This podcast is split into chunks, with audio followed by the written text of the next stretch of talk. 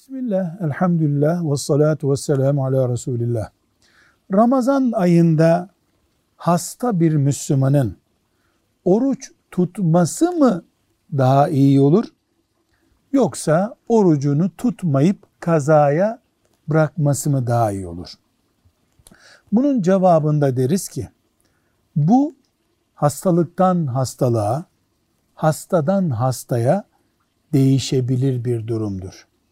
Bu soru önce oruç bozmaya izin verilir düzeyde olup olmadığı açısından hocaya sorulur.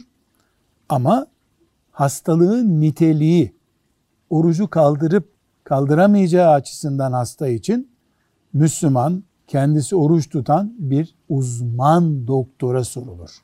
Bu kararı doktor verirse çok daha isabetli olur. Velhamdülillahi Rabbil Alemin.